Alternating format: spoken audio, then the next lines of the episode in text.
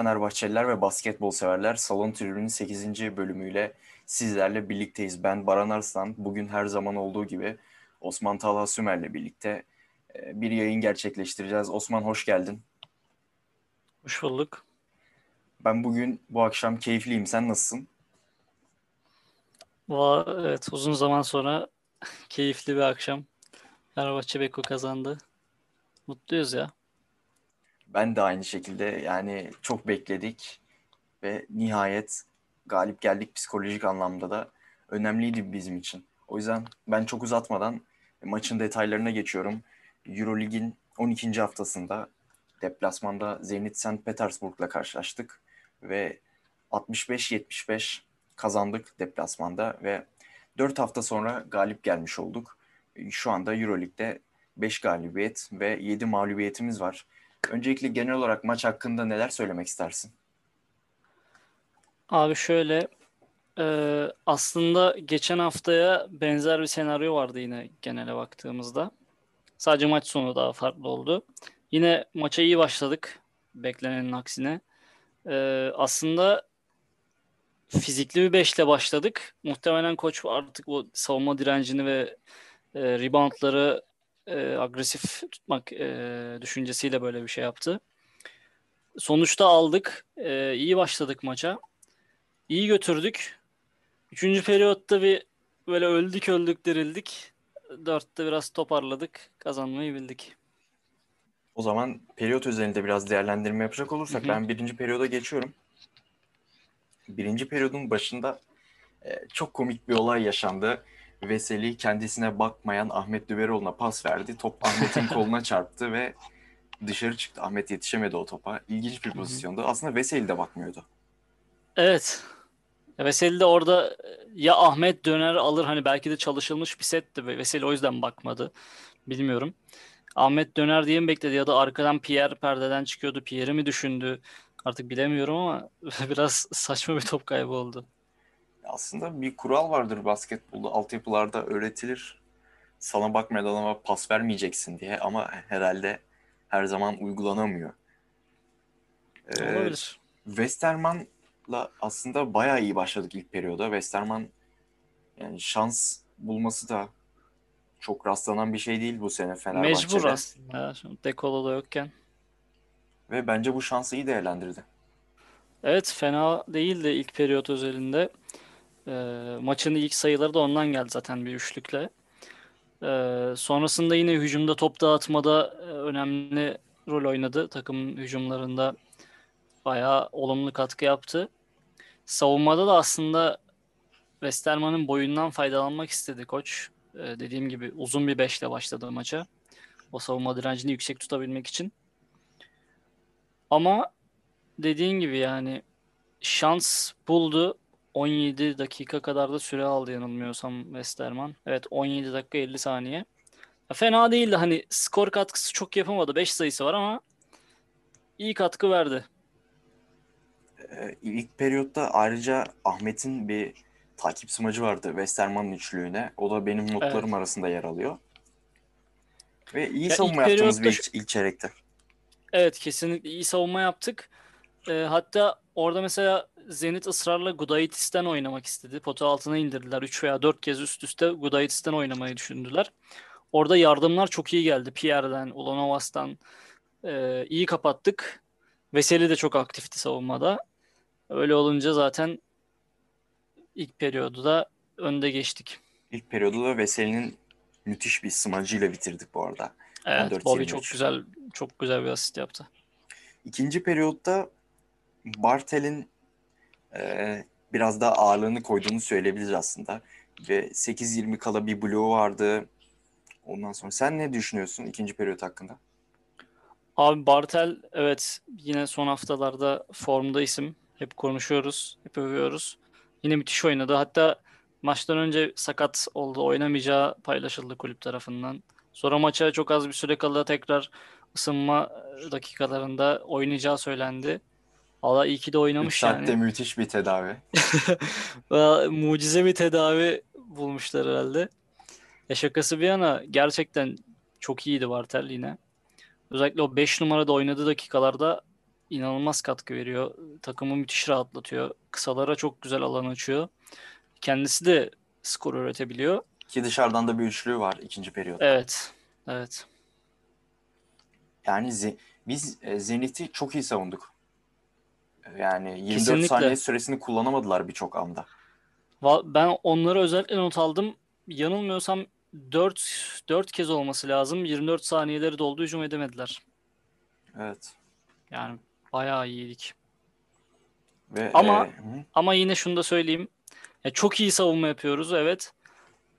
Ama abi şu hücum reboundlarını da vermeyin ya. Yani boşa gidiyor. Gerçekten ikinci şans sayıları çok fazla Zenit'in. Ee, Çok fazla birçoğu da verdik. zaten evet reboundlardan, hücum reboundlarından geldi. m, ve periyodun sonlarında Veseli ve Westerman ikilisinin güzel bir pick and roll'u vardı. Veseli de smashladı. Bu da güzel bir hareketti. Senin ikinci periyoda dair Evet. söylemek istediğin başka bir şey var mı? Abi ikinci periyot genel olarak aslında dediğimiz gibi hem hücumda hem savunmada iyiydik. Savunmada özellikle çok daha iyiydik. Zaten savunma üzerine o hücumları daha iyi yapıyoruz. Ee, iki top kaybımız var. 10 asist yaptık ilk yarıda. Yani söylenebilecek çok da bir şey yok. Etkiliydik. 13 sayılıkta bir fark yakaladık. Ve 32-45 e, ilk yarı skoruydu. Üçüncü periyottan devam edecek olursak bizim için kabus gibi geçti diyebiliriz. Sen ne düşünüyorsun? Abi rezalet. Ya bu sezon aynı şeyi kaçıncıya yaşıyoruz. Keza dün Hala Hı hı. ders alınmamış yani. Keza geçen sene de yaşadık biz bu problemleri Obradoviç döneminde. Bu sene Evet. Igor Kokoşkov döneminde yaşıyoruz. Hala çözemedik. E, Igor Kokoşkov'un 3. periyoda maça başladığı 5 ile başlaması bunun sebebi olabilir mi sence? Ya aslında sadece ona bağlayamayız. Mesela bu da biraz NBA alışkanlığı. Koçlar genelde NBA'de işte ilk yarıya maça başladığı 5'te ikinci yarıya yine aynı şekilde başlarlar. Koç bu sene bunu hep yapıyor. Ya ben çok hatırlamıyorum ikinci yarıya farklı 5'te başladığını. Ama ilk periyotta yani ilk yarıda sonuç vermişti bu uzun 5. Savunmada çok aktifti. Ama bu periyotta tabii Zenit bir reaksiyon gösterecekti. Kendi sahasında oynuyor. Bunu düşünmek, bunu beklemek lazımdı. Ee, bu beşin sıkıntısı dediğin gibi fizikli savunma iyi ama hücum tarafında biraz e, yetersiz bir beş. Zaten cezayı da kestiler böyle olunca. Zenit ilk 2 dakikada 5-0'lık bir seri buldu. Ardından bir üçlük daha buldular ve Igor Kokoşkov mola aldı. Buna rağmen e, düşüş yine devam etti ve Evet. bir anda farkı kapattılar. Hatta öne geçtiler. E, temponun yüksekliğinden dolayı biz de hücumda e, iyice saçma sapan hamleler yapmaya başladık. Ama yine de bence üçüncü çeyreği e, berabere bitirmemiz bizim için iyiydi. Abi bir ara 16-2 mi 16-3 mü neydi ya periyot skoru? Evet, e, İnanılmaz 4, bir 4 dakika kala çeyrek skoru 15'e 2 idi. Evet. Ya bir de yine reboundlar ilk yarıda da söyledik. Bu periyot da çok daha fazla e, bunun şeyini çektik. Abi ilk yarıda iki periyotta Zenit 8 hücum reboundu almış. Sadece 3. periyotta 8 hücum reboundu almışlar. Evet. Yani o kadar çok vermişiz ki. Ya yine aslında e, ikinci periyodun bir kısmı için söylediğimiz şey geçerliydi burada. Savunmayı yapıyoruz evet. Yani şans tanımıyoruz ama e, hücum reboundlarından ikinci, üçüncü şansları yakalıyorlar. Sayıların çoğu öyle geldi zaten. E, ki burada da oyuna Melih'i aldık. E, dış şut belki yakalarız diye ki o da olmadı. Yok yani. Çünkü e, hücum organizasyonlarımız yok yoktu yani. Ne Lorenzo Brown ne işte Westerman o aksiyonu sağlayamadılar hücumda. E böyle olunca zaten Melih, Edi gibi oyuncular da topla kendileri yaratamadıkları için fazla şans bulamıyorlar. Ama yine de dediğim gibi e, büyük bir hasar almadan e, üçüncü çeyreği de e, bitirmiş olduk. Ya Ve- Allah'tan periyot sonuna doğru toparladık biraz. Evet, evet, evet.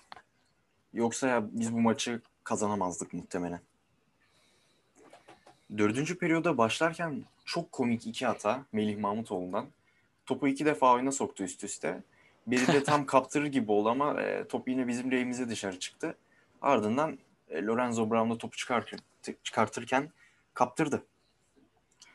Yani Ya çok komik iki hataydı.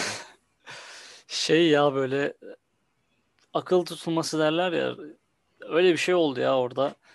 Gerçekten bunun şeyle falan açıklanacak bir yanı yok işte teknik taktik bilmem ne Ya yok abi bu yani. profesyonel İki kez ama iki kez üst üste yapabileceği bir hata değil. Maalesef. Yani e, artık kafa mı sahada değil, kafa başka şeylerde mi yoksa umursamıyor mu bilmiyorum. Ama böyle bir hata olamaz, olmamalı. İki kere hiçbir şekilde e, kabul edilebilir bir yanı yok. Ya mesela bunun maç sonunda olduğunu düşün böyle işte kafa kafaya giden bir maçta maç topunda mesela böyle bir hata yapıyorsun. Düşünemiyorum ya. Eyvah eyvah. Yani o zaman o zaman çok daha fazla konuşulurdu. Peki son çeyrek hakkında genel olarak ne söylemek istersin? Bence bizi maçı getiren isim 37'lik delikanlı Bobby Dixon. Kesinlikle. Yine en kritik anlarda, en e, topun el yaktığı anlarda sorumluluk aldı. Yaptı şovunu yani ne diyelim. Helal olsun. Ki Lorenzo Brown da aslında e, bütün maç eleştirilecek hareketler yapmasına rağmen son anda e, bize büyük yardımı dokundu. Top çaldı. Ondan sonra yani faydalı işler yaptı diyebilirim. Şu an tam aklıma geldi Evet. mesela. Ama yine o periyodun başlarında dördüncü periyodun e, ilk 5 dakikasında diyeyim. Hücumda yine çok kötüydü Brown. Ve karar verme e, konusunda işte oyunu yönlendirme konusunda inanılmaz hatalar yaptı. Yani çok basit top kayıpları yaptı. Sonrasında evet savunmadaki hamleleriyle bunu toparladı. Yanılmıyorsam 4 top çalması var Brown'un. Öyle olması lazım. Bir saniye. Hatta evet 4 4 top çalması var. Bir de en sonda Hollins'ten bir top çaldı. O bayağı kritikti. Evet. Orada zaten maç geldi gibi bir şey oldu. Zaten orada e, bench'imiz ve az sayıdaki Fenerbahçe taraftarı da ayağa kalktı. Bu arada Rusya'da maçlar kısmen seyircili oynanıyor. Bunu da bir not olarak düşeyim. E, Maalesef. Veseli'nin maalesef evet. Onlar biraz olayı salmış durumdalar. Veseli'nin yaptığı bir blok vardı. Onu hatırlıyor musun? Pangos'a. Öyle olması lazım. 6 dakika kala. Valla tam hatırlayamadım ama doğrudur yani. Ve e, dördüncü periyotta, üçüncü periyotta Zenit bize seri yapmıştı. Dördüncü periyotta da bizim 10-0'lık bir serimiz oldu Zenit'e karşı. Ve bütün bu performanslarda maçı bize getiren etkenlerdi. Dördüncü periyot ve maç hakkında söyleyebileceğim bir şey var mı? Başka? Abi dördüncü periyot yine aslında Bartel periyodun ilk bölümünde e, sorumluluk alan isimdi. Brown'un o rezalet oynadığı kısımda hücumda. Brown e, Bartel ayakta tuttu takımı. Sonrasında Veseli biraz daha e, işin içine girmeye başladı. Sonra Bobby geldi. Üçlükler. iki üçlük attı sanırım Bobby orada.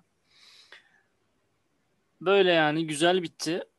E, sonunu iyi getirdik en azından. O üçüncü periyottaki kabusun ardından. Güzel bir galibiyet oldu. O zaman oyuncu bazı değerlendirmelere geçelim diyeceğim ama zaten e, periyotlar hakkında konuşurken de birçok oyuncuyu Evet. değerlendirmiş olduk ama ben yine de Yan Veseli hakkında konuşalım diyorum. 32 dakika sahada kaldı. 17 sayı attı ve 13 verimlilik puanı var. Ya 17 sayı takımın en skoreri. Ben fark edemedim ne ara 17 sayı attı mesela ama e, sayıların dışında oyunda çok etkiliydi Veseli. E, özellikle o onun en büyük özelliklerinden biri. Özellikle Obradovic'le birlikte bunu çok geliştirdi.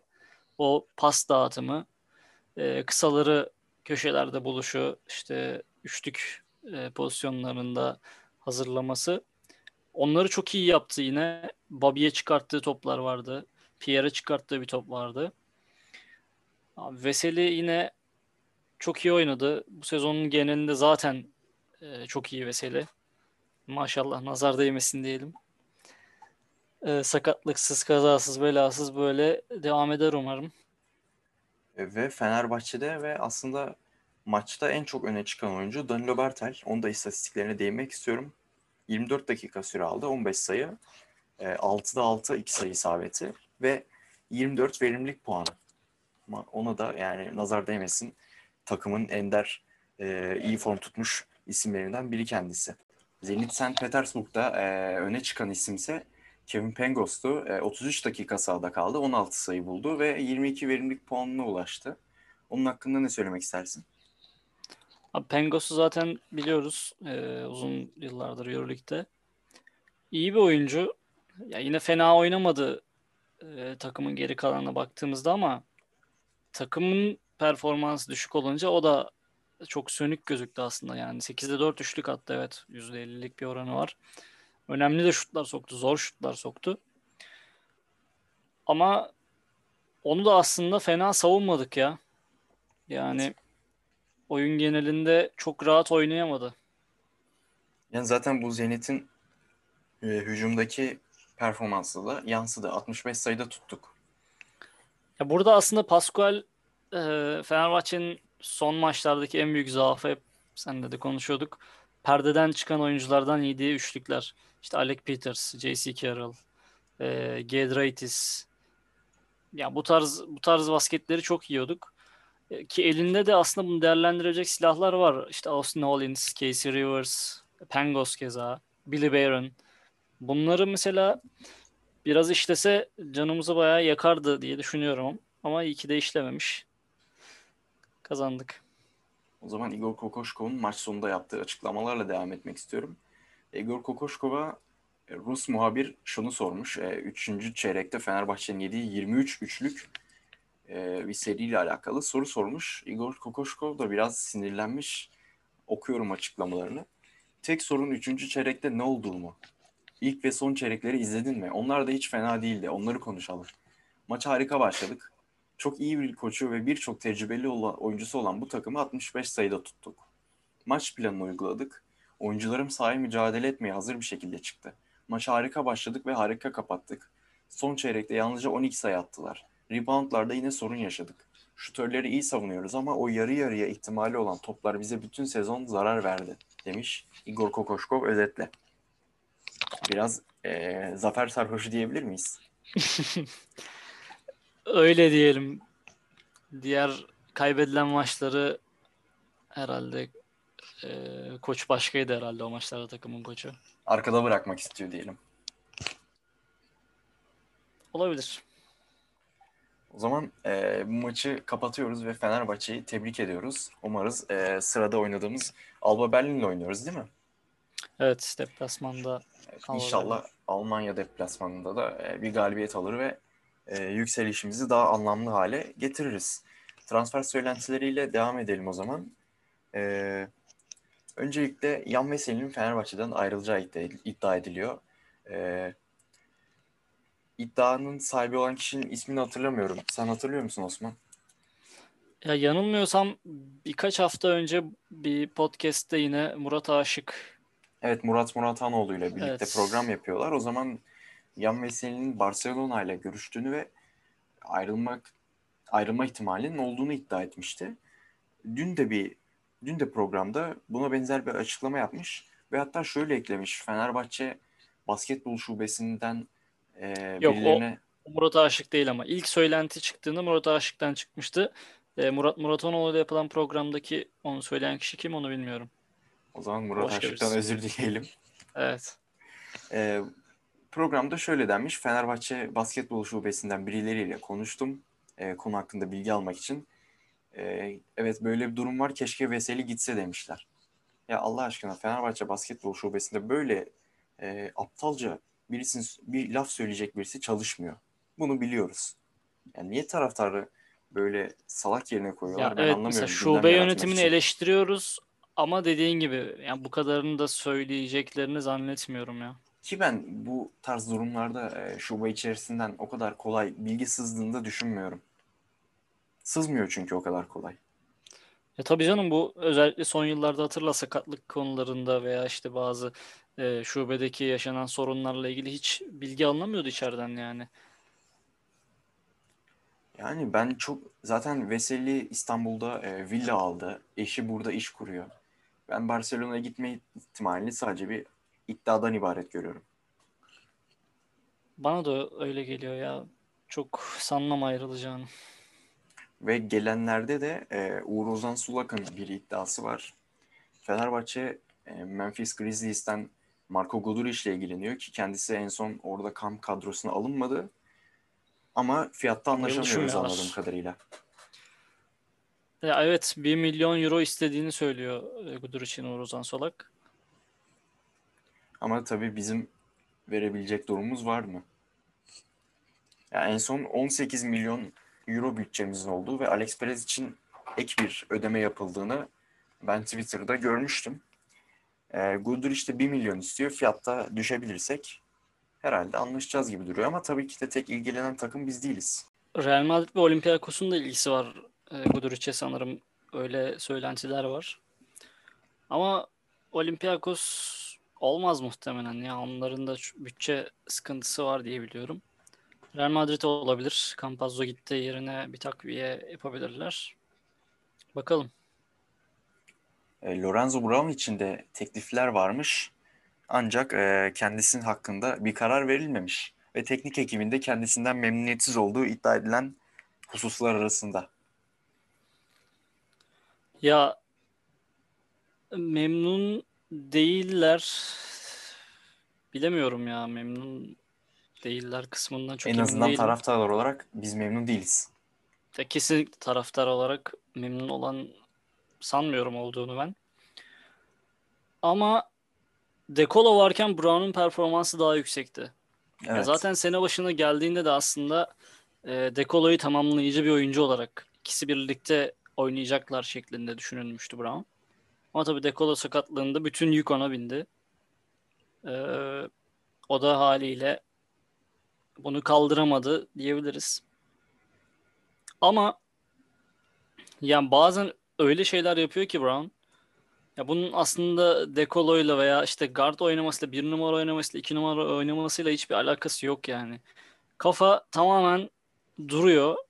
Böyle rastgele bir şeyler yapmaya çalışıyor gibi.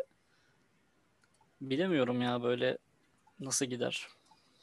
Ve bizim de ilgilendiğimiz oyuncular Euroleague'den Landry Noko, Jeremy Evans, Quincy Acey e, 900 istemiş. Herhalde bizim için fazla bir rakam. 900 bin euro. E, Tarık Black görüşme yapılmış kendisiyle ama sonuç alamamışız ve G League'den Amida Brimah. Bu oyuncular hakkında ne söylemek istersin? Abi öncelikle e, Noko'yu ligimizden de tanıyoruz aslında. Sakarya'da oynamıştı bir dönem. Oradan Alba Berlin'e transfer oldu. E, aslında fena değil. E, gelişime açık bir oyuncu gibi. Yani potansiyelliği de en azından Alba Berlin'e giderken ben öyle düşünüyordum. Benim ligde beğendiğim oyunculardan biriydi. Hatırlarsan hep Higgins örneğini veririz. Gaziantep'ten CSK'ya, oradan Barcelona'ya. Avrupa'nın en iyi oyuncularından biri şu an. Ya öyle bir potansiyel neden olmasın? Ama bilemiyorum. Aradığımız tarzda oyuncu mu? Yani sanki Bartel'i daha 5 numara kullanıp 4 numaraya bir transfer yapsak daha iyi olur gibi geliyor bana. Şutu olan en azından. Böyle biraz daha agresif bir oyun stiline sahip bir 4 numara. Çok daha iyi olur gibi. Amida Brimah hakkında ne dersin? Valla onunla ilgili çok bilgim yok. Ee, şöyle biraz baktım sadece. Bence o da yine bizim aradığımız profile çok ya bize lazım olan profilde bir oyuncu değil diye düşünüyorum. Çok uzun bir boyu var zaten. 2.13 boyu var. O bildiğimiz 5 numara. Yani biraz fazla uzun sanki. Yani 5 numara İçin 5 numara için normal ama dediğim gibi yani bizim ihtiyacımız olan oyuncu mu sanmıyorum. Ee, ve ayrıca iki G League ve bir adet NBA oyuncusuyla bir adet dedim sanki insan değillermiş. sanki alışveriş yapıyoruz. Biraz yanlış bir tanımlama oldu. Ve bir NBA oyuncusuyla görüşüyoruz ama onların e, isimlerini vermemişler. ve gerçek anlamda yüzümüzü güldüren bir şube kadın basketbol. Euroleague B grupları e, Fenerbahçe'nin ev sahipliğinde oynanıyor. Ayrıca A grubu. E, B grubunda ilk maçta OSK Prag'ı 77-70 mağlup ettik ve Arka Gdynia'yı 80-70 ile geçtik bugün oynanan maçta. Bu maçlar Abi- hakkında ne söylemek istersin? Yani en öne çıkan oyuncu Fenerbahçe'de Satu Saballi. Şöyle öncelikle bir kez daha tebrik edelim şube yönetimini. Çok düşük bir bütçeyle müthiş bir kadro kurdular. Ee, koç yani şu an belki de Avrupa'nın en formda koçlarından biri. Önemli işler yapıyorlar. Ee, Prag'da aslında Eurolig'in şampiyonluk adaylarında Ekaterinburg'dan sonra en iddialı gözüken ikinci takımdı. Yani e, spor otoritelerine göre. Önemli bir galibiyetti. Aslında kötü başladık o maça da. Kötü götürdük. Bir ara fark 15 sayılara kadar çıktı. Ama e, ikinci yarıda özellikle son periyotta müthiş bir geri dönüş. Sabani'nin 30 sayısı inanılmaz oynadı. Ya ben son yıllarda Fenerbahçe kadın basketbol takımında bu kadar dominant, bu kadar ne yaptığını bilerek oynayan e, skorer bir oyuncu görmemiştim açıkçası. Ali, Mesela kendisi farkı Alina almış en Alina kariyerde. Yagupova. Ya o pek ne yaptığını bilen tarzda bir oyuncu değil hani onu o yüzden oraya katmadım. Ya Alina Yagupova 30 tane deniyordu. Hani 10 tanesi giriyordu mesela. Anladım. Ama e, Sabali daha bilerek oynayan bir oyuncu. E, oyun zekası kesinlikle çok daha yüksek. Müthiş oynuyor. O maçı da aslında tek başına aldı diyebiliriz ya. Son periyotta inanılmaz sayılar attı. İlk maçta Bugün ya- de yine Hı hı. e, rakip biraz daha zayıf bir rakipti. Ama yine kötü başladık maça. E, hep kafa kafaya gitti maç. Birkaç sayı geri düştüğümüz oldu. Ama yine son periyotta toparladık işi. Yasmin Thomas'ın e, ilk maçta sakatlanmış olmasının biraz da zorluğunu çekiyoruz diyebiliriz bence. Evet evet bugün onun eksikliğini bayağı hissettik. Ama bu bir eleştiri konusu olabilir yani. Thomas yokken Gdynia'ya karşı bu kadar kötü yine de oynamamamız lazım. Zayıf bir rakip. Evet. Yavaş yavaş programı kapatma vakti de geliyor. Her zaman söylüyoruz e, podcast hakkında ve konuşulan konular hakkında yorumlarınız için e, bize Twitter'dan ulaşabilirsiniz, YouTube yorumlarından ulaşabilirsiniz ve aslında bir yorum aldık geçen hafta.